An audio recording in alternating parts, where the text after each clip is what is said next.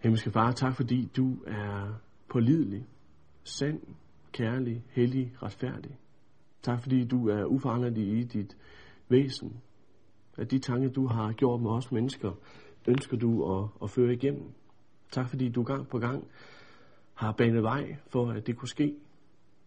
Og vi må også bekende, at så ofte så er vi faldet. Ofte er vi blevet i vores eget ulydighed ned gennem menneskeslægten. Hvor ofte så vi også oplever, at mennesker har rækket ud efter det, du har givet og fået et liv sammen med dig. Tak fordi du ikke skjuler eller dølger det, som ligger forude. Men tak fordi du hele vejen igennem siden skabelsen har vist, at du har frelsesplaner for øje. Og det at stå uden frelsen, det er at møde en grufuld dom. Bed dig om, at du åbner øjnene nu, så vi også ser, hvad du har talt i, gennem de gamle skrifter. Amen. Der ligger nogle øh, papirer derhenne, jeg ved ikke, om vi skal have dem øh, lidt rundt samtidig, mens at de kommer rundt ved at begynde med et sted, egentlig slet ikke i Gamle Testamentet, men i 2. Timotheus brev kapitel 1, vers 9 og 10. Og der siger Paulus det sådan, han, altså Kristus, frelste os og kaldte os med en hellig kaldelse.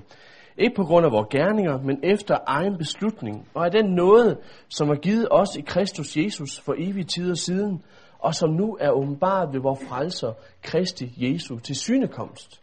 Ved ham, der til intet gjorde døden og bragte liv og uforgængelighed for lyset ved evangeliet. Så stærkt er det altså, at Paulus han kan tale om Jesus Kristus, løfternes messias, hvis vi skal spore ind på, hvad det er, også det gamle testamente har forkyndt, sådan som bliver lyttet hele vejen igennem, igennem flere tusind år. Ja, Paulus kan endda sige det, sådan at det rækker tilbage fra før skabelsen, evige tider siden. Og ved åbenbaringen i Kristus, der er nu døden, og det bliver et nøgleord, vi skal vende tilbage til, døden besejret, og Kristus har bragt liv og uforgængelighed. Det vil altså sige en nyskabelse og virkelig gjort paradisiske tilstande, som ikke mindst synligt skal åbenbares, når Kristus kommer igen. Og alt det, der siger Paulus, er sket ved evangeliet, ved ordet selv. Evangeliet er sådan, som det lød julenat, og jeg citerer efter en gammel oversættelse, på jorden fred i mennesker.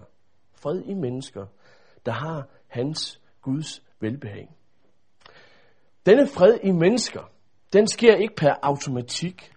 Og Paulus han begynder også med at slå fast, at vores egne gerninger ikke virker i frelsen, men frelsen alene sker ved Guds nåde, som må modtages i tro og lydighed. Og det har han også lært et ganske bestemt sted, at det sker i tro og lydighed. Og min påstand, den er, at denne teologi, som Paulus lagt for dagen, og som Peter også for 14 dage siden har ført meget videre ind i, at den også kan spores i de gamle testamentlige skrifter. Om end ikke noget i spørgsmålet om frelse og fortabelse kan være langt tydeligere i det nye testamente, så betyder det ikke, at den samme grundlæggende tankegang ikke findes i Gamle Testamente. Og Gamle Testamente, ja, det er stort, det er omfangsrigt, og jeg har da også arbejdet noget på, hvor er det, man skal sætte ind, også i et emne, når det gælder det her. Ikke mindst også taget betragtning, at skrifterne i det hele taget i forskning er meget omdiskuteret materiale.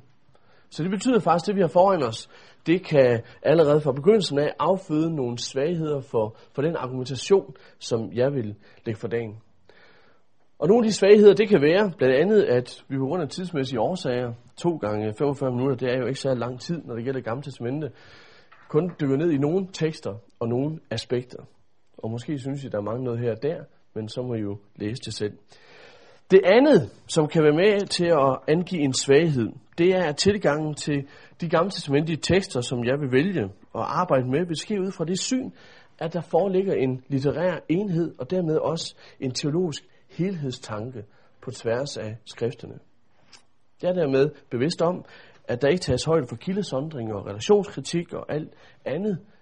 Behandling af tekster vil ske ud fra en historisk vi kunne kalde den bibelkronologisk tilgang, og dermed følge den teologiske refleksion og udvikling, som teksterne selv fremviser. Det betyder for eksempel, at jeg fastholder et mosaisk forfatterskab, en datering af Esajas fra midten af det 8. århundrede, som forfatter til hele skriftet, og Daniels bogen, som ikke mindst også er vigtig i den her sammenhæng, er skrevet i den sidste del af det 6. århundrede. Og det kan anfægtes, men den, det grundlag vælger jeg at fastholde. Og for det tredje, mange de vil hævde skråsikkert, at de eskatologiske perspektiver, og dermed en tale om fortabelse, opstandelse, helvede, evig undergang og en række andre emner inden for det emne, vi har foran os i dag, først udvikles, så man egentlig kan udtale sig om det, efter eksilsk i jødisk sammenhæng. Måske allerede først ned omkring på 100 år før Jesu fødsel. Dette begrundes ofte ud fra, at de gammeltestamentlige tekster, der kan tale om dette, for eksempel hos Esajas og Ezekiel og Daniels bog, dateres meget sent. Eller at tankegangen først kan spores i apokryferne eller i jødisk apokalyptik, eller hente inspiration fra de eskatologiske beskrivelser, som vi finder i Qumran-skrifterne. Og derfor vil mange hævde, at de nytestamentlige forfattere har deres eskatologiske forestillinger fra denne tradition, sådan som det altså kommer til udtryk i Jesu forkyndelse hos Paulus, hos Johannes.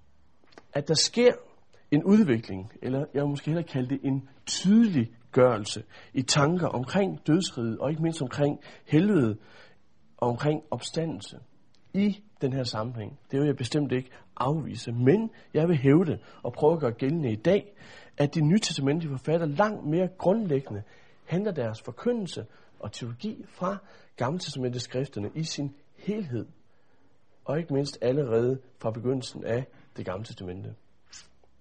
Det skal vi se på lige om lidt, men inden vi kaster os over de første kapitler i første Mosebog, så vil jeg gerne begynde med det Guds billede, som vi kan møde i Gamle Testamente. Og der hvor jeg vælger at dykke ned i en tekst, det er i forbindelse med lovgivningen på Sinai, hvor Moses får lov til at se Gud fra ryggen, som det hedder, da ingen må se Gud ansigt til ansigt. Allerede her sporer vi en markant forskel fra det, vi kunne møde i de første øh, par kapitler i Bibelen i beskrivelsen mellem Gud og mennesket, at Adams situation var anderledes. Men her altså Moses møder Gud, hvor han ser Gud for ryggen. Og der hedder det, at Moses påkalder Guds navn. Og Herren gik forbi ham og råbte, Herren, Herren er en barmhjertig og nådig Gud, sen til vrede og rig på troskab og sandhed.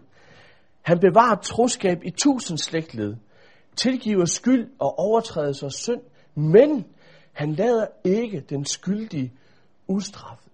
Om Guds storhed og almægtighed, der findes der mange relevante tekster i det gamle testamente. Og vi ser i denne, du kalder det teofani, i denne præsentation af Gud selv, der er noget af selve Guds væsen i forhold til mennesket også repræsenteret.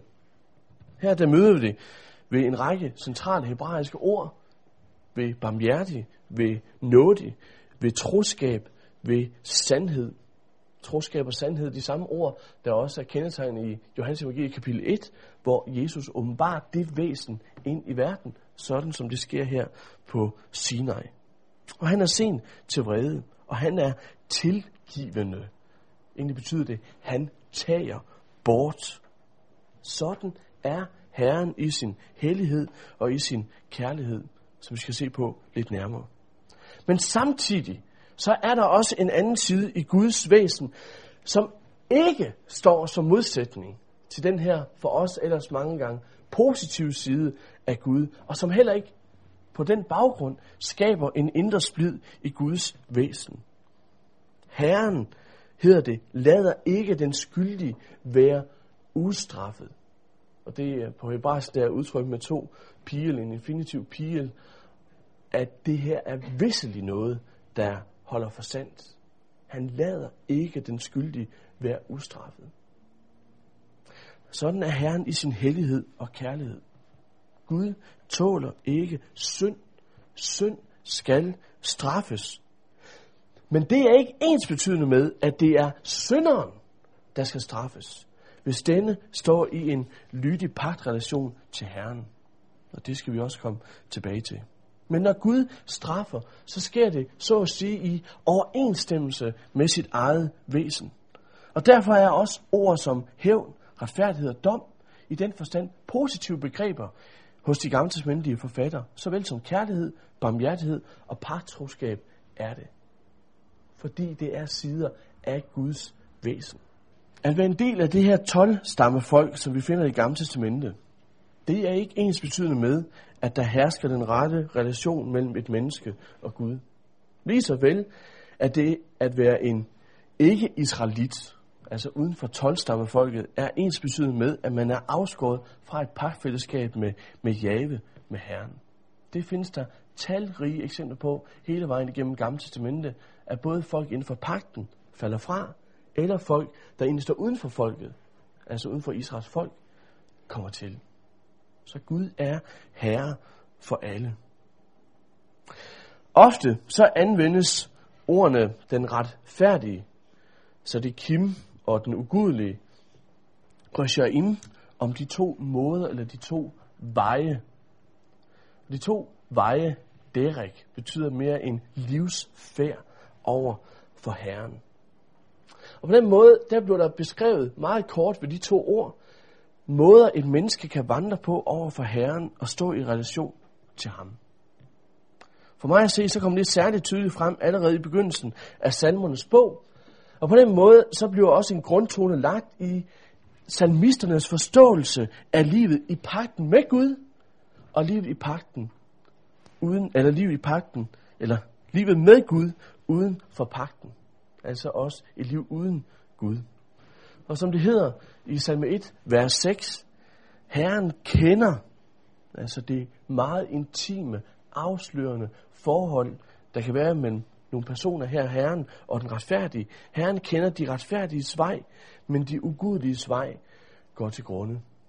Hvis jeg spiber med at slå op på øh, salme 1, så vi ser det på, hvad er det egentlig for nogle beskrivelser, der går forud for det her vers, altså de første fem vers i salme 1. Det forud, der er de retfærdige vej blevet beskrevet. Først der hedder det sig, at de ikke lader sig styre af ugudelige, af spotter og af syndere, så de lader sig synke dybere og dybere i frafald fra Herren, men, som det hedder i vers 2, lader sig lede af Torat Yahweh af Herrens lov. Og deri finder sin livsglæde, og lader hele livet være gennemsyret af Guds ord. På denne måde, der kan de fastholdes på vejen til retfærdighed inden for pakten. Den retfærdige, videre i vers 3, sammenlignes med et træ. Altså et træ, der er plantet her ved en bæk, som står for det livgivende vand, der bærer frugter. Og netop det er træ, og det er ved vand, og det bærer frugter, det er bestemt ikke tilfældig billedbrug, som jeg skal komme tilbage til lidt senere. Også den ugudelige vej er beskrevet. Og her står den som modsætning til den retfærdige. Den ugudelige lader sig ikke lede af Guds ord, og har ikke sin livsglæde deri. I stedet så styres den ugudelige af hverdagens øjeblik og tænkning uden relation til forholdet i pakten med Herren. Den ugudelige sammenlignes i vers 4 med en avne, egentlig en tom skal, der blæses bort af vinden. Og det motiv, høstmotivet, finder vi andre steder, også som et domsmotiv i Gamle Testamentet, der symboliserer den endegyldige, den eskatologiske dom. Og for mig at se, så må netop den dom, mishpat, der er omtalt i vers 5, ikke bare være en jordisk konges dom, men netop den eskatologiske dom, som kun Herren kan fælde.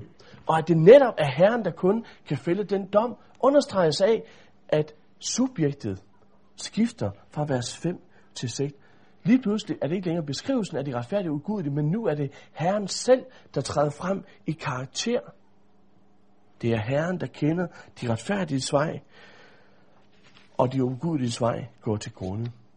På den måde, der kommer denne dom til at stå som afslutning på menneskelivet, eller i hvert fald udtryk på en måde, at det er det sidste, der bliver sagt om det pågældende menneske.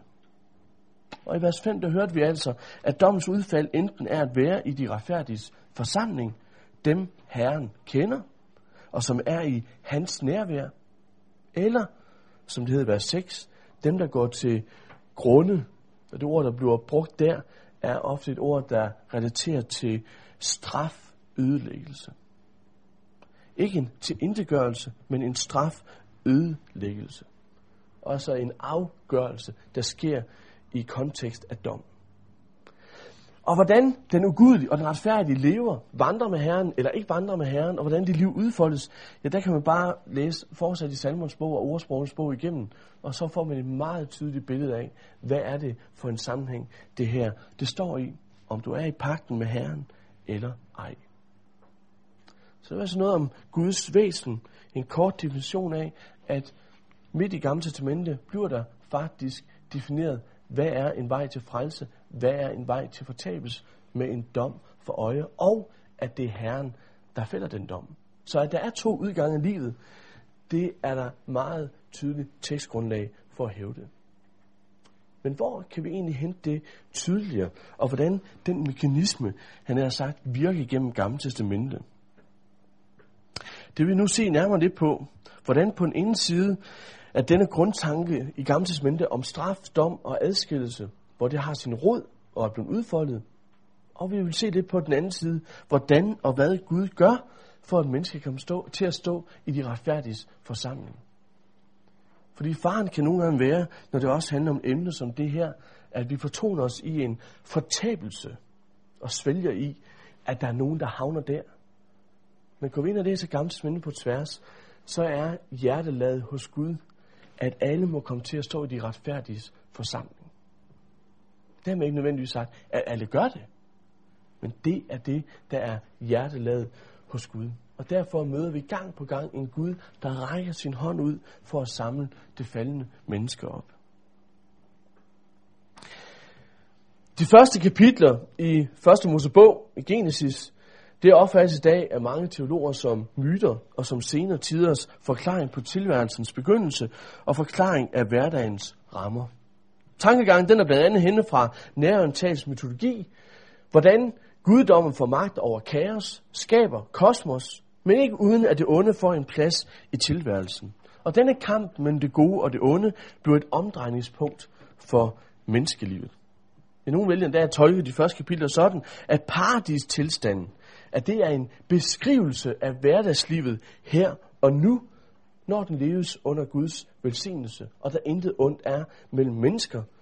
Men så snart det undertræder ind mellem mennesker, ja, så viser den manglende velsignelse, det vil sige forbandelsen, sit væsen. Og så er det også mange, der taler om livet, også når det gælder emnet her med frelse, fortabelse. At vi kan ikke tale om noget på den anden side af døden, men alt omhandler det denne sidige. Og sådan kan man så også med baggrund i en forståelse af 1. Mosebog, kapitel 1 og 3, på denne måde fastholde det synspunkt, at livet i Gamle Testamente handler udelukkende om noget denne sidige. Man vil hævde, at det altså er muligt her og nu at leve under de gode kår, som de første mennesker gjorde. Dermed så kan man afvise syndefaldet i Genesis 3 som noget, der er konstitutionelt for hele menneskeslægten siden Adam og Eva. Altså en afvisning af arvesynslæren. Dermed så omfortolkes syndsforståelsen i Gamle Testamente, og dermed også hele soningstanken, som den kommer til udtryk i offerlovene og hos profeterne. Beskrivelsen i Gamle Testamentet af forholdet mellem Gud og mennesker, det kommer primært til at omhandle, hvordan man kan opnå det gode, det velsignede liv her og nu. For eksempel det at blive gammel, det at få masser af børn, det at skaffe sig føde. Det hinsidige liv, det er altså uden for perspektivet, hævdes det. Det er det immanente liv, det drejer sig om. Og derfor anses Gamle Testamentet også for at være fjern fra den tankegang om livet, og ikke mindst det evige liv, som det nye testamente taler om. Og så har man lige pludselig stor afstand mellem Nye Testamente og Gamle Testamente. Og ofte hævdes det i den sammenhæng, at Gamle Testamente primært er en frugtbarhedsreligion, hvor der hersker en primitiv Guds opfattelse. Og derfor er der ikke nogen tekster i Gamle Testamentet i den forstand, der kan hjælpe os videre i det spørgsmål og anlæggende, vi har for os i dag, om frelse og fortabelse, eller om en dobbelt udgang. Man kan så spørge, forholder det sig nu virkelig sådan? Hvis teksterne lige læses i den rette sammenhæng, ja, så vil jeg hæve dem hurtigt opdage, at der sker noget afgørende ved syndefaldsberetningen mellem Gud og mennesker, som ikke kan bortforklares. Og at denne fortælling udgør grundkonceptionen i udfoldelsen af, de, af en række vigtige begreber i Gamle Testamente. Og dermed også sagt, at hvis man foretager en fejlagtig læsning af 1. Mosebog kapitel 1-3, ja, så har man også bevæget sig bort fra det budskab, Gamle Testamente vil forkynde. Så allerede her kan der ske en fejllæsning. Til vi begyndelsen, ja, så er toppunktet af skabelsen, at mennesket bliver skabt som mand og kvinde, som det lyder i 1. Mosebog kapitel 1, vers 26-28, og som det blev skrevet nogle steder i kapitel 2. Gud, han velsigner dem, skaber sit billede og velsigner dem, og mennesket det bliver sat ind i den her Guds skabte verden, det her Guds skabte univers, som så rigt bliver beskrevet, hvor alt har sin orden. Særligt så bliver den beskrevet, den her verden, hvor mennesker nu skal til at leve, som natur med planter, fugle, kvæg, krybdyr, vilde dyr, med havets fisk. Og i denne have, i eden, som den bliver kaldt, der findes der også livgivende vand. Og midt i alle de her forskellige ting, ja, der bliver mennesket sat med henblik på at dyrke og vogte. Særligt så er der to ting, der bliver understreget. At der hersker en synlig relation mellem Gud og mennesker. De kan se, og de kan tale med hinanden. Og for det andet, selvom menneskene var nøgne, hed det sidste i kapitel 2, skammede de sig ikke. Det hebraiske ord, der er blevet brugt for nøgen her, er anderledes end det, vi møder over i kapitel 3, vers 7, hvor vi også hører, at de så eller opdagede, at de var nøgne. I første omgang i kapitel 2, vers øh, 25, der relaterer ordet til, at man lever i en, en, i en intim øh, relation. For at understrege den her synlige relation, der er både med Gud og menneske, og ikke mindst mellem de to mennesker internt. Derfor er det ikke noget problem, at de er nøgne. Hvad det betyder over i kapitel 3, vers 7, skal vi se på lidt senere. Livet i haven, som i udgangspunkt har til hensigt at bestå, ja, det skal leves under en enkelt befaling, som vi hørte i kapitel 2, vers 17. Og så trækker vi lige papiret en gang mere. Men Gud Herren gav mennesket den befaling. Du må spise af alle træer i haven, men træet til kundskab om godt og ondt må du ikke spise af. For den dag, du spiser af det, skal du dø. Gud alene ved, hvad der er godt og ondt for mennesket. Hvis mennesket vil fastholdes i, hvad der er godt for skabning, så er i den forstand kravet, at det må tro på Gud og adlyde ham. For det hedder jo flere gange allerede i begyndelsen af kapitel 1, at alt hvad Gud skabte var godt. Så hvad kan mennesket gøre mere selv, for at det bliver bedre? Hvis mennesket ikke adlyder, ja, så bliver det vedkommendes eget ansvar at finde ud af, hvad der er godt og ondt. Og det kan skabningen ikke. Så ved at fravælge Gud, ja, der sætter mennesket sig uden for skabelsens rette intention. Netop fællesskab med Gud. Og resultatet af ulydighed, ja, det vil være, at mennesket for, forkaster Gud og sætter sig uden for fællesskab med ham. For mig ser det primært det, der ligger i den straf, der blev udsagt til sidst, at det skal dø. Altså, at mennesket forkaster Gud og sætter sig uden for fællesskab med ham. I kapitel 3, vers 1-7, ja, der berettes der om selve faldet, og det vil sige mange forskellige spændende ting til, hvad vi vil undlade her, kun se på et enkelt, eller nogle enkelte aspekter. Slangens, eller også satans snedigste træk, ja, det er at betvivle, at Guds befaling virkelig rummer det indhold og den straf, som Herren selv havde sagt. Man kan næsten forestille sig, at Satan tænkte sådan, truer Gud ikke på skrømt? Vil han virkelig slå jer ihjel? Toppunktet af skabelsen. Og hvad han ellers har sagt, ved vi ikke, men det lykkedes i hvert fald at overbevise mennesket om, at der ingenting vil ske. Gud vil ikke straffe. Gud er jo kærlighed, så han tillader mennesket, at de kan leve deres eget liv efter det, der er godt i deres egne øjne. Gud vil ikke forvise sin skabning. Hvad er resultatet af at spise af frugten fra kundskabens træ? De to ting fremhæves i vers 7, inden vi i vers 8 hører, at Gud han træder frem. Hvad er det, mennesket selv egentlig oplever som straf, uden Gud begynder at sige noget? Ja, for det første, så hedder det, da åbnes deres øjne, og de opdagede, at de var nøgne. Nok fik mennesket kundskab ved at spise af træet, men ikke, så de blev som Gud, sådan som Satan ellers havde sagt. Det, som før blev set som godt, det blev nu forblændet i en forvirring om, hvad der egentlig er godt og ondt. Nok kunne de se, men deres klarsyn var blevet ødelagt på grund af ulydigheden. Og nøgenheden, som den altså kom til udtryk i 2.25, som tegn på et intimt fællesskab, ja, det blev nu udskiftet med en erkendelse af skyld. Og her kommer vi til, at der er et andet hebraisk ord, der blev brugt om det at være nøgen her, som vi møder igen i 5. Mosebog kapitel 28, vers 48, hvor det ligger under en forbandelse. Hvis man ikke adlyder Herren, så vil Gud forbande med det, og det er det, blandt andet nøgenhed. Netop det modsatte af at kende til det intime fællesskab med Gud. Det andet, der siges det, derfor syede de fine blade sammen og bandt dem om livet.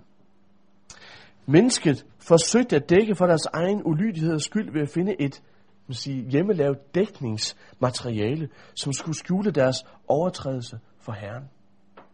Det var det, Adam var i gang med.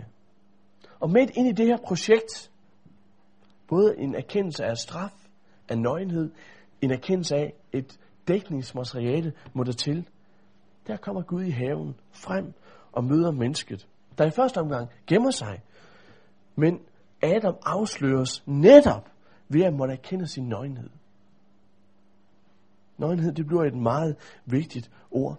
Og han har haft tid og skulle vi have trukket nogle linjer til især Nytestamentet, så ville åbenbaringen være et relevant sted at tale om, hvor det hedder, at man skal have en klædning, for at din nøgenheds skam skal skjules. Det er den klædning, der skal være på den nye jord, for at nøgenhedens skam skal skjules. Men det var altså det, Adam selv var i gang med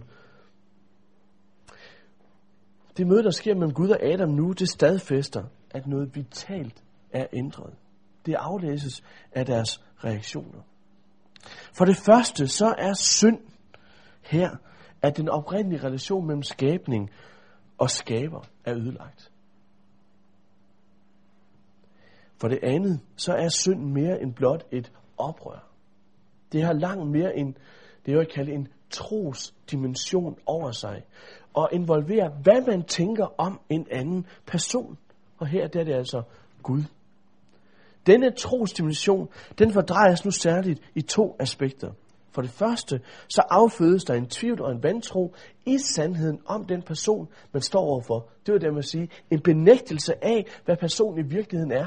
Man kan sige, Adam burde jo kende Gud. Efter de har gået sammen i haven, talt ansigt til ansigt, og nu benægter Adam egentlig, hvem Gud er. Og for det andet, der affødes en tro, som blot er en tro i falskheden omkring denne person. Altså en tros erstatning. Så man kan sige det på den måde, forskellen her bliver altså ikke blot, om man har tro eller ej. Og så kan vi sige, jeg tror på det ene, og du tror på det andet. Men forskellen den kommer til at bestå i, om man har en sand tro, eller om man har en falsk tro. For troen, den retter sig imod, hvad den, der tros på i virkeligheden er. Så troen er altså ikke, hvad mennesker selv tænker og kommer frem til, men hvad det er, der bliver troet på. Og det får Adam skiftet ud her. For det tredje, så er synd ikke blot manglende tro eller et fejlgreb i at gøre ting ret. Konteksten viser, at denne falske tro, den er etisk uretfærdiggørende. Fordi den fremstiller Gud som ond, når han er god. Og fordi den sætter Gud i det lys, at han ikke er almægtig og suveræn i alt, sådan som Adam burde have erfaret det. Og derfor når vi efter vers 8-13, hvor vi møder Adams reaktion, Guds reaktion, at synd kræver straf. Ifølge kapitel 2 af 17, ja, der var straffen for denne ulydighed døden. Men i Guds domstale, eller straffetalen, som vi finder den i vers 14-19, og også ved bortvisning af haven, som vi har det i vers 20-24, og som vi kan følge det videre fra kapitel 4, ja, så for mig at se, så sker det faktisk ikke. Nok holder Gud en dom og en domstale, men dør de? Man kan måske derfor med rette undersøge nærmere, hvad ligger det i, at mennesket skal dø ved denne ulydighed, hvis Gud han holder fast ved sin befaling. For for mig at se, hvis død her blot er tænkt om den fysiske død, ja, så sker straffen netop ikke umiddelbart for Adam og Eva. Og hvis vi trækker det op og se det i et kristologisk perspektiv, ja, så var det heller ikke denne død, som Jesus han overvandt. Han døde selv fysisk, og taler om, at han selv besejrede en anden død, men blot en fysisk død. Så lad os se lidt nærmere, hvad er denne død? Livet i haven, det var kendetegnet af et kærligt, personligt nærvær af Gud. Og ved at blive bortvist fra haven, der mistede mennesket dette kærlige Guds nærvær. Al Herrens velsignelse, sådan som vi møder i de her kapitler, det blev nu udskiftet med forbandelse. Og det sker på en række områder i livet, sådan som vi kan læse det i kapitel 3, vers 14 følgende. Det såkaldte nye liv, der nu skal til at leves uden for haven, det står i et andet fortegn end livet i haven. At blive bortvist fra haven vil sige, at være borte fra Guds nærvær og under forbandelse. Denne død står som modsætning til evigt liv, netop et liv i haven. Mennesket det ved, at det liv, der skal leves uden for haven, det har de forbandelser over sig, som Gud han har sagt. Blandt andet smerte ved fødsel og hårdt arbejde for føden. Et liv, der ender unaturligt med død og en tilbagevenden til jorden. Hvis Adam havde forstået Guds domtale sådan, at han skulle dø fysisk her og nu, ja, så må jeg så sige, så foretager han sig noget efterfølgende fuldstændig irrationelt. Det hedder i vers 20, lige efter at han har fået at vide, at du skal dø, og af jord er du, og til jord skal du blive, så hedder vers 20, Adam gav sin kvinde navnet Eva, for hun blev mor til alle mennesker. I første omgang, som vi mødte over i kapitel 2, vers 23, der kaldte Adam hende for kvinde, som på hebraisk betyder, at hun er taget af manden. Det vil sige et navn for hendes oprindelse. Nu så giver han hende et nyt navn, Eva, som på hebraisk betyder moder af liv eller livgiveren. Det vil sige nu et navn for hendes fremtidige bestemmelse. Så mens han får at vide, at jord er du kommet til jord, skal du blive, så siger han, jeg vil sørge for liv. Så der må altså ligge noget andet i den, i den betegnelse død, end bare en fysisk død. Og vi kan også læse i 1. Mosebog kapitel 4, at det første Adam han faktisk næsten gør, da han kommer uden for haven, det er at få børn. Sørg for, at der bliver liv. Livet uden for haven har altså fysisk liv over sig, som nok afsluttes med en fysisk død. Men selvom Adam har fået denne straffetal over sig, og selvom han er blevet smidt ud af haven, væk fra Gud, så fortsætter han for mig at se et meget positivt livssyn. Og jeg overvejer, hvad er egentlig det, der er gjort, og hvad er det, der har opmuntret Adam faktisk til at have det her positive livssyn. Og jeg kan ikke læse konteksten anderledes, end der er to ting, der har forårsaget det her. Set netop i lyset af straf, af fald, eller første gang, fald, straf og bortvisning. Det er virkelig markant ændring i menneskelivet. Vær helt bort fra Gud. Og så alligevel, så er der noget, der ændrer en, til en positiv adfærd. Ja, for det første, så er det midt i Guds straffetale til slangen, kapitel 3, vers 15, hvor det hedder, jeg tror, der er ikke mere. Jeg sætter fjendskab mellem dig og kvinden, mellem dit afkom og hendes. Hendes afkom skal knuse dit hoved, og du skal bide hendes afkom i hælen. Der er præcis meget til det her vers. Jeg har bare nøjes med at sige, at hermed der giver Gud mennesket det løfter om, at de ikke i al fremtid vil blive overladt til dem selv. Hvis de lytter vil fastholde troen på dette løfte, ja, så er der redning at finde i forhold til det, for altid at være afskåret fra et kærligt og personligt nærvær af Gud. Men den endelige fred, det vil sige et liv uden forbandelse og begær efter synd mod Gud, ja, det vil først ske, når slangens magt endelig er ophørt. Og så er vi tilbage til julenat fred i mennesker. Det var det, evangeliet lød sådan. For det andet, så tror jeg også, at Guds omsorgsfulde handling, inden han bortsender menneskene fra Edens have, og spærrer det, spærrer vejen tilbage til Edens have med keruber, at der findes også en årsag til hans positive livssyn. Adam, han havde forsøgt at dække sin nøgenhed, det vil sige sin overtrædelse, sin skyld med hjemmelavede gerninger. Han havde aldrig selv fundet på at slå ihjel, fordi det at dø, det var en fjern virkelighed for ham. Eller tænke på, at der skulle liv, det vil sige blod til, for at Guds vrede kunne stilles. Men Gud viser nu selv en ny vej for synderen i det liv, der ligger foran. Han kræver blod, for at synd kan tilgives. Det vil sige, for at der kan oprettes et umiddelbart forhold mellem ham og mennesket i al sin erkendt syndighed. Og når jeg siger umiddelbart her, så er det fordi relationen, den får en ny eksistensform uden for Edens have.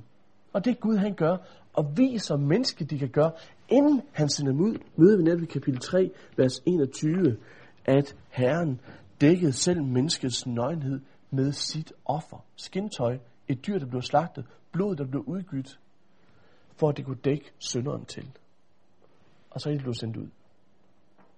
Så tro på et løfte og tro på et offer, det er altså det, der gør, at mennesket det kan leve uden for haven og stadig i et samvær, nærvær med Gud. Og hvis tro på dette løfte, eller tro på dette blodoffer ikke eksisterer, så er det et fald, straf, bortvisning, uden at Herren er nær. Det er den virkelighed, Adam han blev sendt ud i. På den måde, så kan der altså fortsat være et fællesskab mellem Gud og Adam, mennesket uden for paradiset. Det betyder ikke, at synden, syndens konsekvenser og straffen og udsigt til en evig død, den er fjernet fra menneskeslægten. Nej, langt fra. Men fællesskabet, det kan opretholdes, hvis mennesket lever i et lydigt troskab. Og det bliver netop vigtige nøgleord i hele Gamle Testamentet. I lydigt troskab mod Herren. Bekender sin syndighed og bringer blodoffer til Herren for at skaffe tilgivelse. For mig at se, så har så også straffen og bortsendelsen også et andet perspektiv over sig. Syndens straf, det er Guds bortsendelse fra haven, og dermed hans synlige, kærlige nærhed. Allerede her, der er eneste noget af forbandelsen, og dermed også af fortabelsens virkelighed. Efter det fysiske liv, uden lydig troskab mod Gud og troen på blodets virkning i forhold til Guds vrede over ulydigheden, ja, der blev det til et liv uden Guds nærhed. Det vil sige et liv i Guds forladthed, i pine, i smerte, uden velsignelse og uden det, der er godt. Og for mig at se med de ord, så er vi ikke langt fra det, når Nytestamentet beskriver, hvad helvede det er.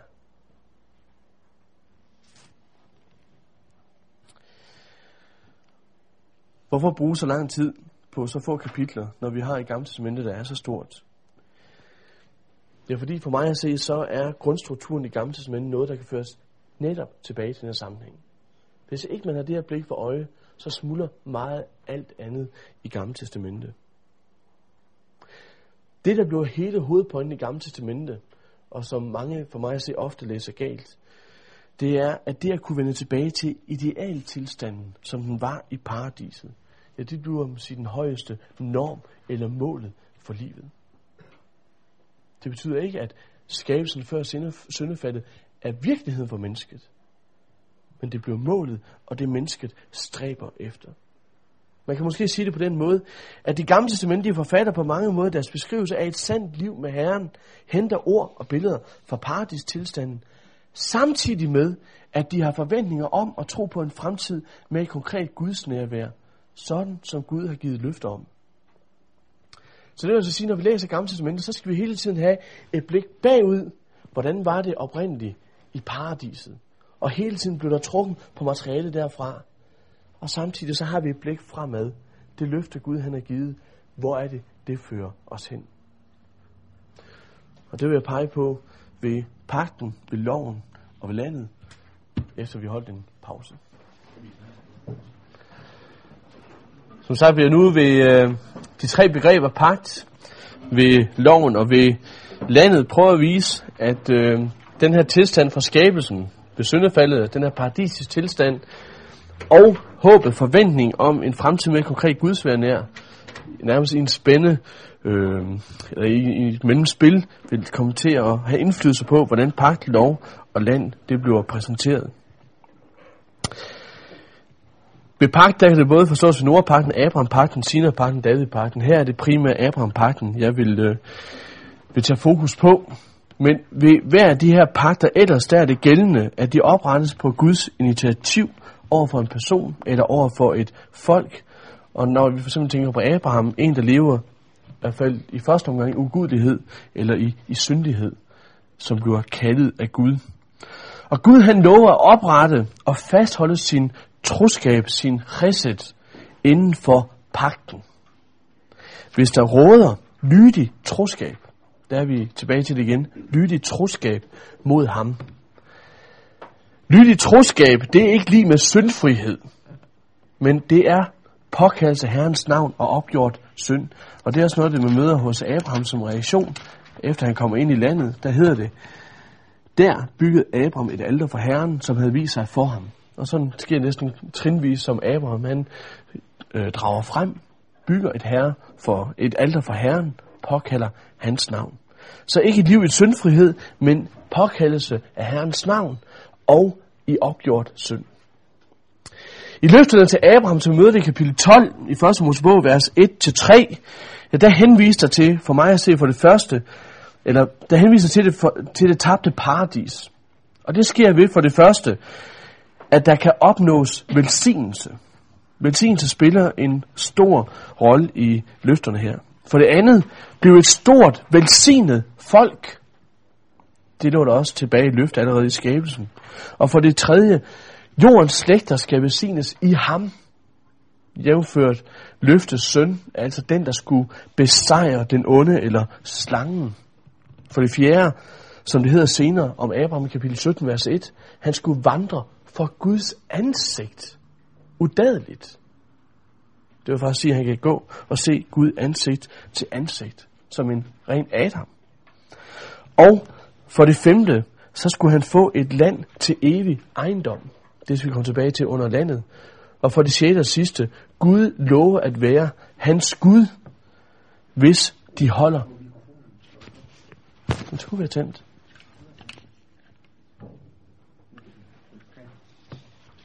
Er den ikke det?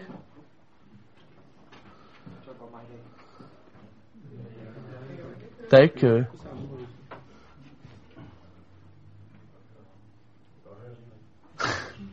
Jeg snakker bare videre. at Gud han lover at være øh, hans Gud, hvis han holder pagtens indhold. Og det bliver sagt flere gange, at det er hans sand og lydig tro rettet mod ham. Så den rette levemåde i pakten, den udtrykkes særligt om Abraham i 1. Mosebog 15:6. Abraham troede Herren, og han regnede ham det til retfærdighed. Modsat, der viser Gud også sin vrede, når folk lever i lydighed mod ham og fastholder et liv i egen syndighed. Dette straffer han i sin vrede og afskærer folket fra pagtens velsignelser, fordi de ikke vil tro eller ændre adfærd. Og tydeligt, der sker dette, når vi kommer lidt længere hen i 1. Mosebog kapitel 18, 19 i beskrivelsen af, hvordan Gud han vil straffe de ugudelige i Sodom og Gomorra. Og sådan som det også sker en række andre steder i Gamle Testamentet, når der er en beskrivelse af, hvordan Gud han vil straffe de ugudelige. Straf, forbandelse, plager. Uden for pagten. Og det bliver sagt helt tydeligt, at der kun er én ting, som kan forhindre denne straf og udryddelse. Det er omvendelse til Herren. Og det ved Abraham. Og for mig at se, så er det primært det, der tilskynder ham til at gå i forbøn. For det folk, som blandt andet lever i, eller i byerne Sodom og Gomorra, han kender selvfølgelig sin nevø Lot, men også for andre. Og det er måske også et perspektiv, vi kan have ind over os i dag, som er i, i pakten. En tilskyndelse til at gå i, i forbøn. For det andet, loven. Loven den blev givet til nationen Israel i ørkenen for at pagtfolket fortsat kan forblive i pagten, og det har Nikolaj skrevet en masse gode artikler om. Det kan jeg læse mere om i festskriftet til Paul Hoffmann, hvis nogen vil se en forklaring til 2. Mosebog kapitel 19, som jeg vælger at følge. Loven den blev netop ikke givet til et syndfrit folk, men til et pagtfolk, der igen og igen falder i synd, sådan som vi læste i 2., 3. 4. Mosebog. Loven den blev heller ikke givet til alle nationer, men til det folk, som står i pagtrelation til Gud. Så for at opleve fællesskab med Gud, sådan som loven foreskriver, ja, der skal der være en etableret pagtrelation i forvejen. Den er så at sige nødvendig. Og det store spørgsmål, det bliver så, hvordan kan Gud være nærværende midt i sit folk, når ulydighed det råder? Han har netop lovet i sin reset at være trofast over for pagten, og dermed over for folket, også selvom ulydighed råder. Gud ønsker at bo midt i blandt sit folk, sådan som det også skete i den paradisiske tilstand, selvom det nu måske i en anden form. Og loven, ja, udover rumme en række regler om samfundsliv og mellemmenneskelige relationer, som også afspejler Guds kærlige og hellige væsen, så er der for mig at se tre ting, som peger på den paradisiske tilstand. Det er for det første åbenbaringsteltet, eller som senere bliver til templet. Det hedder om det, at de skal bygges efter et himmelsk forbillede. Det skal have blomster, og når man læser om templet, så skal det både være granatæbler og alt muligt andet, som symboliserer paradiset. Og det hedder også, der skal være kiruber. Især kiruber til hvad? Til at vogte over zonedækket. Der, hvor blodet, blodofferet, blev udgydt. Og der, hvor det hedder, at Gud vil åbenbare sig. Og her der tager Gud sin bolig og viser sin herlighed. Nøjagtigt som det skete også i paradiset. Åbenbaringsteltet og templet, ikke mindst som Ezekiel, han beskriver det i kapitel 40 til 48, ja, det bliver et konkret tegn på, at Gud en dag vil bo synligt blandt sit trone pagtfolk, hvor urenhed og synd ikke længere eksisterer. Så igen en vekselvirkning. Tilbage med beskrivelser fra paradistilstanden, og så troen på løftet om, at Gud en dag konkret synligt vil bo midt i blandt sit folk. For det andet, offerlovene. De gives til pagtfolket, så synden, bevidste som ubevidste, de kan zones, og det rette forhold til Gud kan eksistere. Offerne, de er måske en syndsbekendelse. Vi læser i 3. Mosebog kapitel 1, vers 4, at synderen skal lægge sin hånd på offerets dyr, altså en syndsbekendelse, for at blodet det derefter kan bringes på aldret. Det siges ikke mindst hos salmisterne og profeterne, at offerne ikke i sig selv skaffer soning. Ikke mindst offerhandling på den store forsoningsdag understreger, at Gud kræver blod. Og det forklares videre i 3. Mosebog 17, at blodet deri findes livet. Og livet for hvad? For begået synd. Og det der sker, det er, at straffen for synden lægges på en anden, så synderen selv kan gå fri og fortsat leve under Guds velsignelse. Så Guds vrede, den stilles, ja, og samtidig viser Gud sin omsorg over for synderen, der bekender sin synd og ønsker at forblive i lydig pagtrelation til Gud. Og for mig at se, var det netop det, der var Adams situation. Og derfor han fortsat kan leve med Gud, også uden for paradiset. Gud viser igennem kravene om offerne, at han ønsker fællesskab med synderen. Og det er muligt for synderen at leve i fællesskab med Gud. Alligevel så findes der talrige eksempler på, allerede i ørkenvandringstiden i 4. Mosebog, at personer inden for pakten handler ulydigt og modsætter sig Herren, hvilket er årsag til straf og udryddelse. I perspektivet fremad, der peger offerinstitutionen frem mod det offer, som Esajas han profeterer om i kapitel 52 og 53, og som ikke mindst i Nye Testament i Hebræerbrevet kapitel 7 til 10 udfoldes ganske stærkt om den retfærdige tjener, som vil bære folkets sygdom, synd og svagheder og bringe retfærdighed til mange. Synd kræver straf på grund af Guds vrede. Det lades der overhovedet ikke ud af billedet.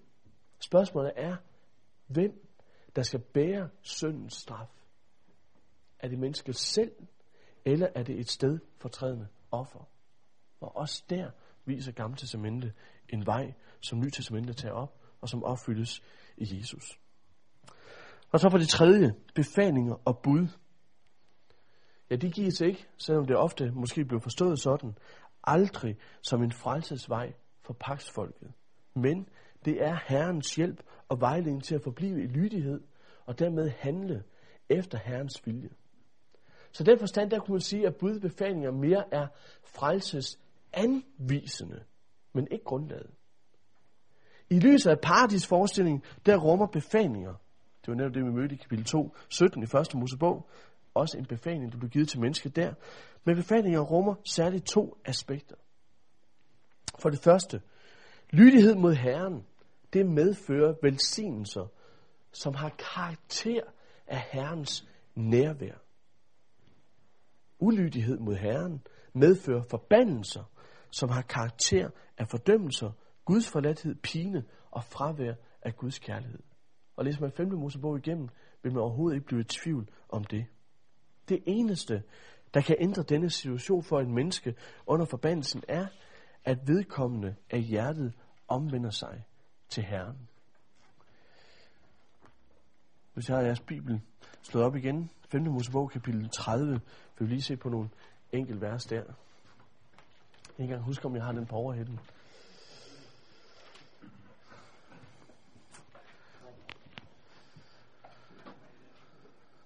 På side 191.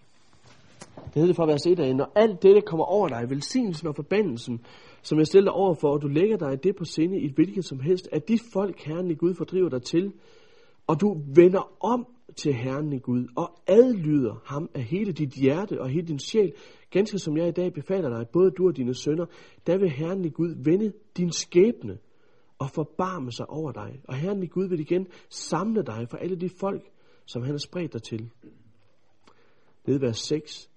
Herren din Gud vil omskære dit og dine efterkommers hjerte, så du elsker Herren din Gud af hele dit hjerte og hele din sjæl, for at du må leve.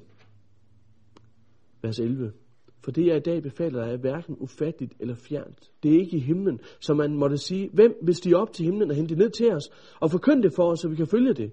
Det er heller ikke på den anden side af havet, som man måtte sige, hvem vil drage over til den anden side af havet og hente det til os og forkynde det for os, så vi kan følge det. Nej, ordet er der ganske nær i din mund og i dit hjerte, så du kan følge det. Og derfor lyder det så videre, se, jeg stiller dig i dag over for livet og lykken, døden og ulykken. Og det blev sagt videre over til sidst i vers 19. Så vælg da livet, for at du og dine efterkommere må leve, og elsk Herren din Gud, adlyd ham, og hold fast ved ham. Så vil du leve og få et langt liv og bo på den jord, Herren lovede dine fædre Abraham, Isak og Jakob at give dem. Det leder frem til det andet, at det at adlyde Herrens befalinger, sådan som det udtrykkes i loven, eller leve efter visdommen, sådan som det på en særlig måde udtrykkes i Salmons bog, eller i ordsprogens bog, ja, det er vejen til et ret liv i Herrens nærvær. Og så er vi igen tilbage til nøjagtigt sådan, som for mig at se befalingen lød i 1. Mosebog 2.17. Der var grundlaget for det synlige og det personlige nærvær med Herren, at man adlød denne befaling. Mennesket havde nemlig ikke behov for at spise af kundskabens træ for at kende til godt og ondt. At lytte til Herren og hans befaling var nok. Og sådan er situationen fortsat for pagtfolket uden for paradiset. Det at have spist af kundskabens træ, det har nok affødt synd og straf, men ikke medført et liv uden Guds ledelse og erkendelse af hans vilje. For pagtbarnet, der er det muligt at leve efter Herrens vilje, om end det aldrig nogensinde bliver syndfrit på denne side af den fysiske død. Den, der lever sådan inden for pagten, kaldes retfærdig, sådan som vi så det tidligere i salme 1. Og der blev den retfærdige sammenlignet med et træ, der er plantet ved bækken. Netop det her paradisiske, livgivende vand. Glæden, hed det i salme 1, hentes i meditationen, i det at grunde i Herrens lov, i Guds ord. Og sådan var livet i haven, i Guds nærvær. Og det var omsluttet af rig velsignelse. sådan som i salmers bog det videre udfoldes i salme 92. I denne forstand, der er loven og visdom udtryk for det rette liv, som herskede i paradiset før syndefaldet. Så når forskere i dag ofte tænker på, hvordan er det lige, vi kan bruge visdommen ind i en gammel sammenhæng, og udspejlelse bare af skabelsen, så i den forstand, ja, at visdommen var netop ved skabelsen, sådan som lov var det, og havde samme funktion, som det havde dengang i 1. Mosebog 2.17, som det har også uden for haven, det liv, der skal leves der. Sådan kan træet stå, som en retfærdig blev skildret som. Modsat, der er virkeligheden for den, der lever uden loven, og dermed uden for pagt relation med Herren, en, der imødegår en død, som ikke har en fysisk dimension, men som betyder en adskillelse fra et paradis forhold med Herren. Sådan som det blandt andet udtrykkes til sidste ordsprog i kapitel 8. For den, der finder mig, siger visdommen, finder livet og opnår Herrens velbehag. Men den, der går fejl af mig, skader sig selv. Alle, der hader mig, elsker døden. Og vi har netop set på, hvad er det, døden den betyder. Og det sidste, så er vi fokuseret på lyset af paradiset som den her ideale tilstand og troen på en fremtid med konkret Guds nærvær. Det er landet. Allerede Abraham han fik løft om at få Kanaan til evig ejendom. Så lyder det i 1. Mosebog, kapitel 17, vers 8. Et land, hvor Gud han vil være Gud for alle de folkeslag, der ejer Abraham troen, hvis vi kan kalde det det.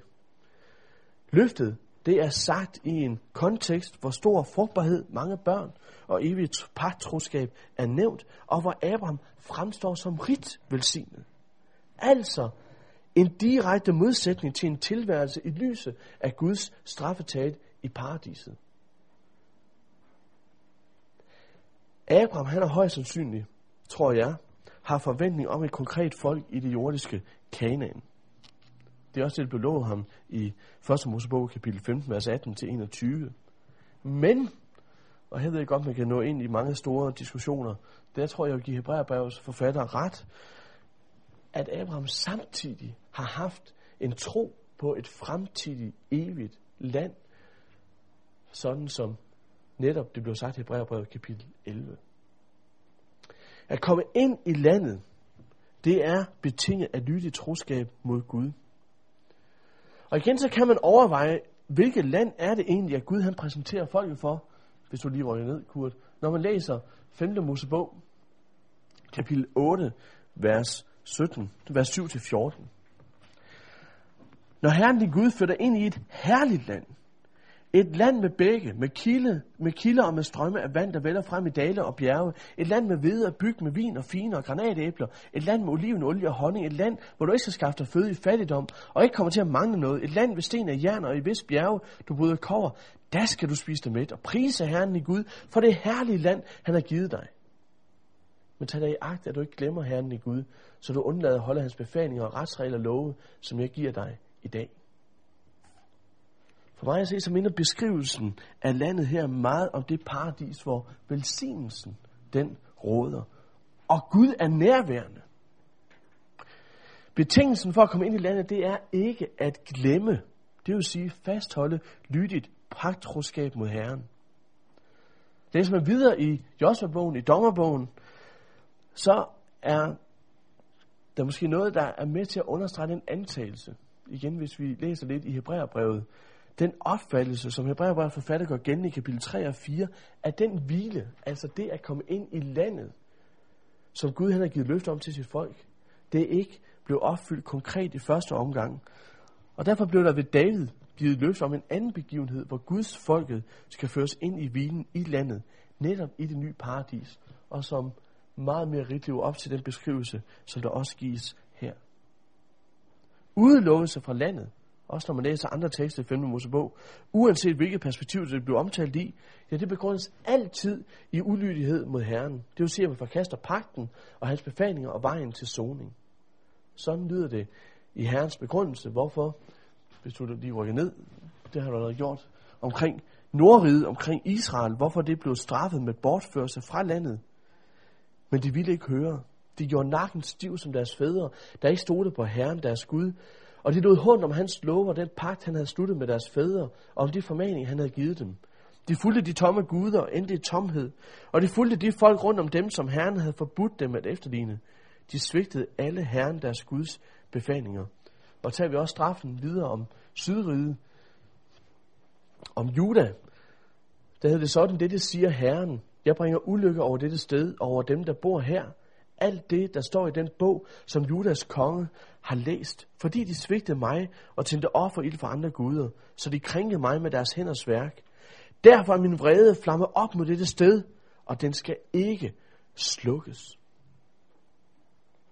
Hvad der fastholder det troende pagtfolk i lydighed, det er dels troen på, at Gud ikke vil svigte pagten. I hans kristet lover han pagtstroskab, selvom verden omkring den tyder på det modsatte. Og dels at Gud på ny vil skabe en ny tilværelse for sit folk. Og så kunne man trukke på en række tekster hos profeterne gennem hele kongetiden, som du har sagt under isilet, og også efter isilet, og som ikke mindst har sin rod i pakten mod David, som vi finder i 2. Samuel kapitel 7, hvor der profeteres om en messias, der skal oprette et evigt kongedømme. Så så langt nogle linjer om skabelse og syndefald ud i Gamle Testamentet. Nu vil vi se lidt mere på forståelsen af død, og på grav og på Sheol i første omgang. Som vi ser det, så handler langt det meste af livet i Gamle Testamente om et liv med Gud i pagten. Der er mange, der vil hævde, at Gamle Testamente det er ikke rigtig udtalelse noget om døden, eller livet i dødsriget, Sheol, eller opstandelsen, eller livet efter opstandelsen. Jeg vil godt gå med så langt og sige, at det er rigtigt, at Gamle Testamente primært beskæftiger sig med livet nu, hvordan det leves inden for pagten, så Gud kan velsigne, og livet det kan være til velsignelse, eller det modsatte, som også er tilfældet, være en forbandelse, hvis det er et liv uden Gud. Men at påstå, at Gamle Testamentet skulle være næsten tavs omkring det her, det er langt fra sandt. Ganske kort og grundlæggende, livet opstod ved, at Gud blæste livsånd i mennesker, så det blev en levende sjæl, hedder det i 1. Mosebog 2.7. Når den fysiske død, den som Adam får at vide sin straffetale i 1. Mosebog 3.18-19 indtræder, så hedder det, at nefesh, den levende sjæl, er til ende. Det lyder sådan i salm 146. De, altså menneskene, nefesh, udånder vender tilbage til jorden, og den dag er deres planer blevet til intet. Du kunne læse nogle tanker videre i salm 90, hvordan perspektivet er fra Guds side. Derefter, når en fysisk død er indtruffet, så begraves den døde. En vandærende død, det vil være at blive liggende på jorden, som ofte bliver et domsbillede. Eller det vil være for konger ikke at blive lagt i graven sammen med fædrene. Modsat så er det en velsignelse at blive lagt til hvile hos fædrene, sådan som det sker med Josef og en række af kongerne. Men mere siges der faktisk ikke om, at der hvor man bliver lagt, ikke i den forstand siger noget om, hvad er udfaldet af den dødes liv. Men mere om den måde, den døde blev placeret på, om det er tegn på velsignelse eller forbandelse. Det at blive lagt i graven, det er ens betydende med fysisk død af sjæl og læme. Der er kun få eksempler på, at der er nogen, som dør levende. Det lyder godt lyder lidt mærkeligt, hvordan man dør levende, men det er faktisk næsten det, der sker. I hvert fald uden at der blev sagt, at de fysisk dør. Der blev sagt om Enoch, at Gud han lakrak tager ham bort. Det blev sagt sådan om Elias, og det blev også sagt sådan om salmisten Asaf i salme 73, at til sidst vil du tage mig bort til herlighed. Moses ved vi ikke helt, hvordan han dør, øh, og der vil være nogle få andre eksempler. Blandt andet flokken i øh, 4. Mosebog, kapitel 16, 33, hvor Gud han åbner jorden op, og de styrter levende i dødsriget i Sheol. Og så er den fysiske død af sjæl og læge alligevel ens betydet med at ophøre mennesket. Når døden indtræder, så kommer alle mennesker i Sheol. Sådan hedder det blandt andet i salme 89, vers 48. Den tror jeg ikke engang, jeg har med der. Læser du her salme 89, vers 48. Der hedder det sådan. Tænk dog på, at min livstid er kort, at du har skabt alle mennesker til intethed. Kan en mand leve uden at se døden? Kan han undslippe dødsrigs magt? Nej, det kan han ikke. Eller som det hedder i prædikerne kapitel 9, især bare vers 10 vil jeg lige læse. Alt hvad din hånd finder på at gøre, skal du gøre af al din magt, for i dødsrigets Sheol, hvor du går hen, er der ingen handling eller sammenhæng, ingen kundskab eller visdom. Sheol det omtales som det, der er nede i jorden. Mere måske i den forstand, at det er det modsatte af himlen.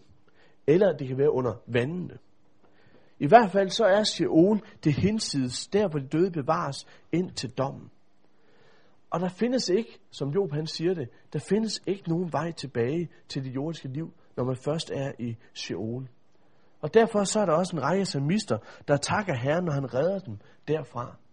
Ikke at de aldrig nogensinde skal dø, men at han forskåner dem i hvert fald her nu for at dø, fordi hvis de først er i Sheol, vil de ikke vende tilbage til det her liv. I langt de fleste af de 65 gange, Sheol forekommer i Gamle Testamentet, der beskriver det primært den ugudelige skæbne. Det er kun næsten salme 89 og prædikerne, kapitel 9, som direkte siger, at alle kommer i Sheol. Langt de fleste af tilfældene, der er det den ugudelige skæbne, der bliver nævnt. Og det, der bliver sagt i den sammenhæng, det er, at der ikke er håb, når døden først indtræder. Det er i hvert fald det umiddelbare indtryk, man står tilbage med. Hvis man læser noget mere om beskrivelsen af, hvordan tilstanden er i Sheol, det når vi ikke her på grund af tiden, så har jeg nævnt Job kapitel 14 og 26 og også salme 88. Men mennesket, det er altså så i Sheol, når det dør. Er det så uden for Guds rækkevidde? Nej. Som det hedder. Vil bare, bare springe dem over, Kurt. Jeg tror, der skulle komme en, der hedder 1. Samuel kapitel 2.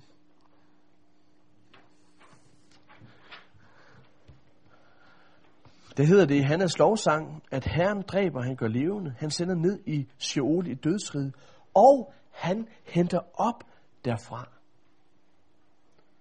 Job, han kan udtrykke det videre. Vi tager bare næste. Dog ved jeg, at min løser lever. Til sidst skal han stå frem på jorden.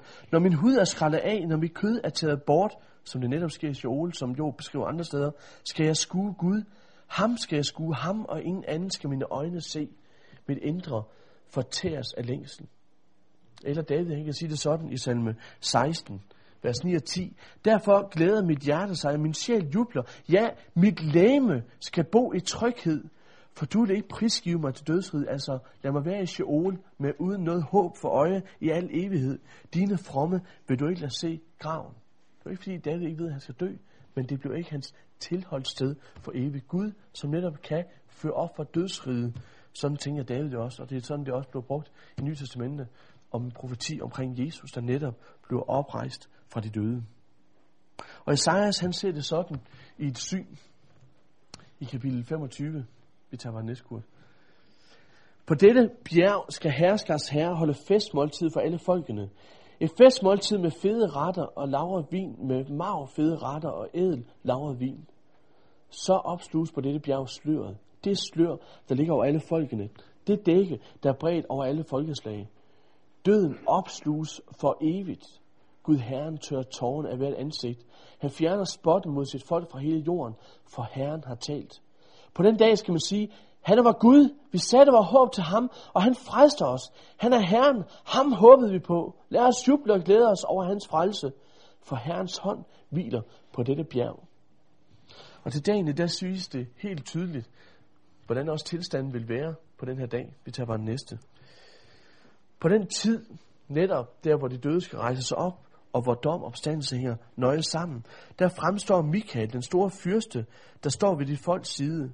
Det bliver en trængselstid, som der ikke har været magen til, så længe folkeslag har været til. På den tid skal dit folk blive reddet, alle, der er indskrevet i bogen, altså i den lydige pastorskab.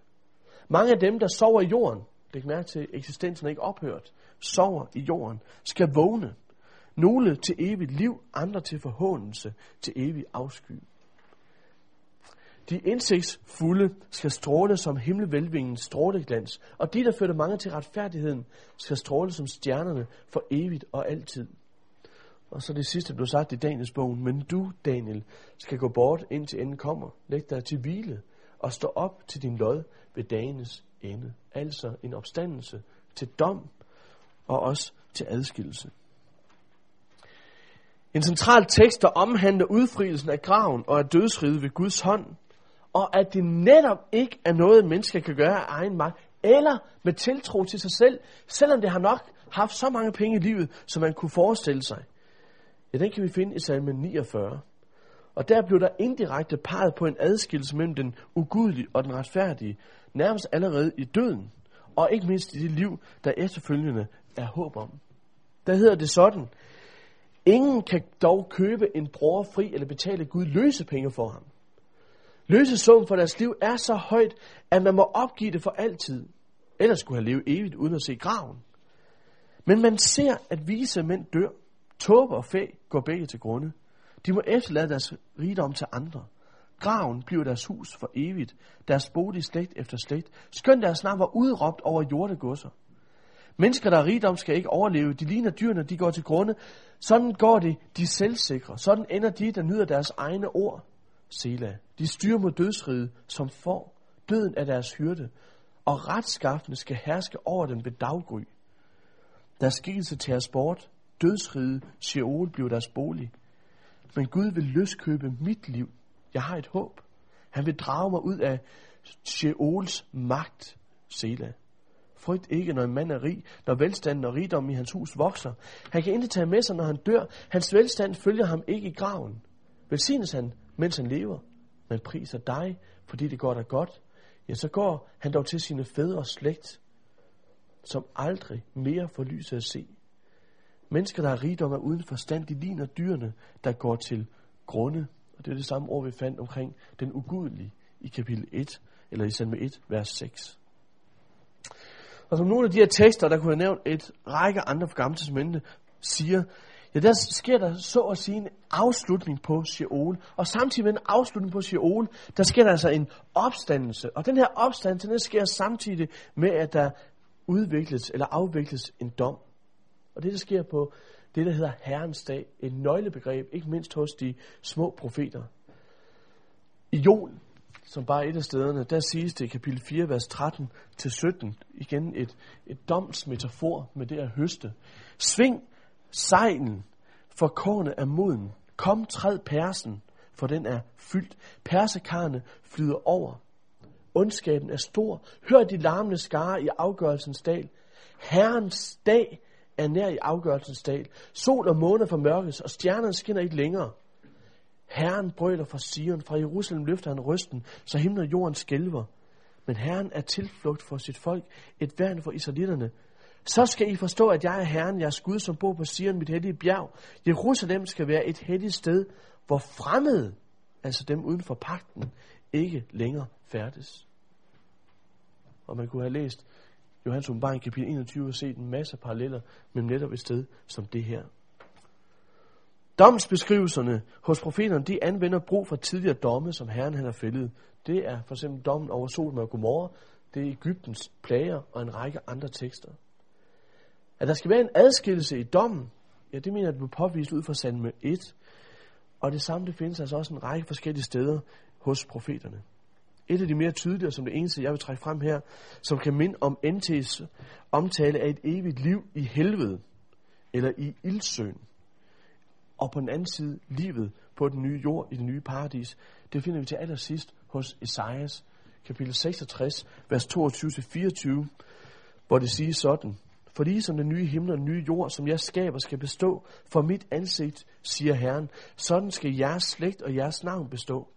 Hver måned på nymånedagen og hver uge på sabbaten skal alle mennesker komme for at tilbede mig, siger Herren.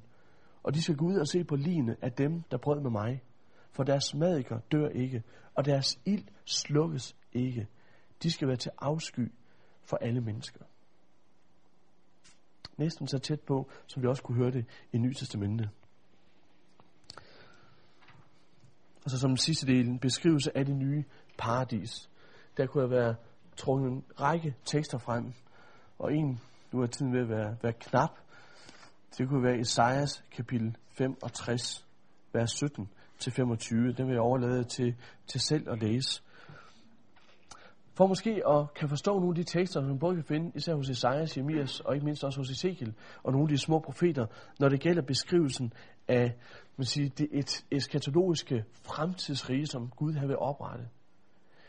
Ja, så tror jeg, der er tre man siger, nøglebegreber, man kan hente en forståelse fra, øh, forståelse fra ja, til de billeder, der bliver brugt. Og på den måde få forklaret nogle af de vigtige termer, der bliver sagt om Guds folket. Netop det, der ligger hensides døden, Sheol, opstandelsen og dommen. Og det er det, som jeg har på papiret. En skabelse, eller en ny skabelse. Et nyt paradis med et synligt gudsnærvær. Så jo mere man er i den tankegang, vi er lidt inde på i dag, jo mere vil man også kunne forstå de billeder, som profeterne rækker. Det andet, som vi ikke har været så meget ind på, det vil være exodus, altså udvandringsmotivet. Udfrielsen af fangenskab under fremmed magt, for at være et Guds folk, hvor Gud leder og Gud er konge. Og så vil det til sidst være Sion, eller Jerusalem, templet, som på en særlig måde viser, hvad det betyder, at Herren har taget bolig midt i blandt sit folk og viser sin herlighed. Nøjagtigt sådan, som det lyder fra skabelse, også hen til åbenbaringsbogen, at nu har Gud taget bolig midt i blandt sit folk. Han vil være deres Gud, de skal være hans børn, eller far og søn, som det også hedder. Så med de tre nøglebegreber, og kender dem, så har man god mulighed for selv at fordybe sig videre i de tekster, der beskriver det fremtidige rige. Og så som afrunding. Hvad er så gammeltidsmændets budskab ind i debatten om den dobbelte udgang? Ja, den teologiske tænkning i gammeltidsmændet, som, som jeg har præs- præsenteret det her i dag, den mener jeg giver grundlag for at fastholde Nytestamentets tale om en dobbelt udgang. Jeg er måske på en række punkter endda vil med til at klargøre, hvorfor menneskeslægtens situation er, som den er i syndefaldets verden, og hvad det vil sige at leve i pakten med Gud eller ej. De gamle testamentlige tekster kan ikke affærdes til blot at handle om et liv denne side. Fokus det er hele vejen igennem, at Gud ønsker at føre sine skabninger tilbage til den tabte paradis tilstand.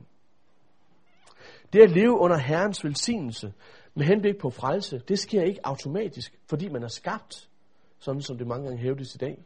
Herren kræver lydigt troskab, og på den baggrund vil han velsigne og bevare. Ja, han vil vise blodoffer for synd, så hans fred over synd kan stilles, og kærlighed kan herske i et åbent forhold mellem ham og synderen. Måske så trænger, tror jeg, det moderne menneske i dag allermest til at få den bibelske forståelse af Guds væsen præsenteret igen, for at det kan indse retfærdigheden og kærligheden i læren om den dobbelte udgang. Og som et blik mod mig selv, og måske også mod mange af jer, så kan det troende pagtfolk lære at have den samme nød og kærlighed til mennesker, der står uden for pagten, sådan som Gud hele vejen igennem Gamle Testamente viser det, og netop har vist det siden syndefaldet. At der er en udret hånd, altid en indbydelse til omvendelse. Den nød og den forbøn, som vi møder der i Gamle Testamente, og som jeg henvise til Ezekiel kapitel 33, vers 7-10, vers 7-20, den tror jeg må kendetegne os i dag. Ja. Ja.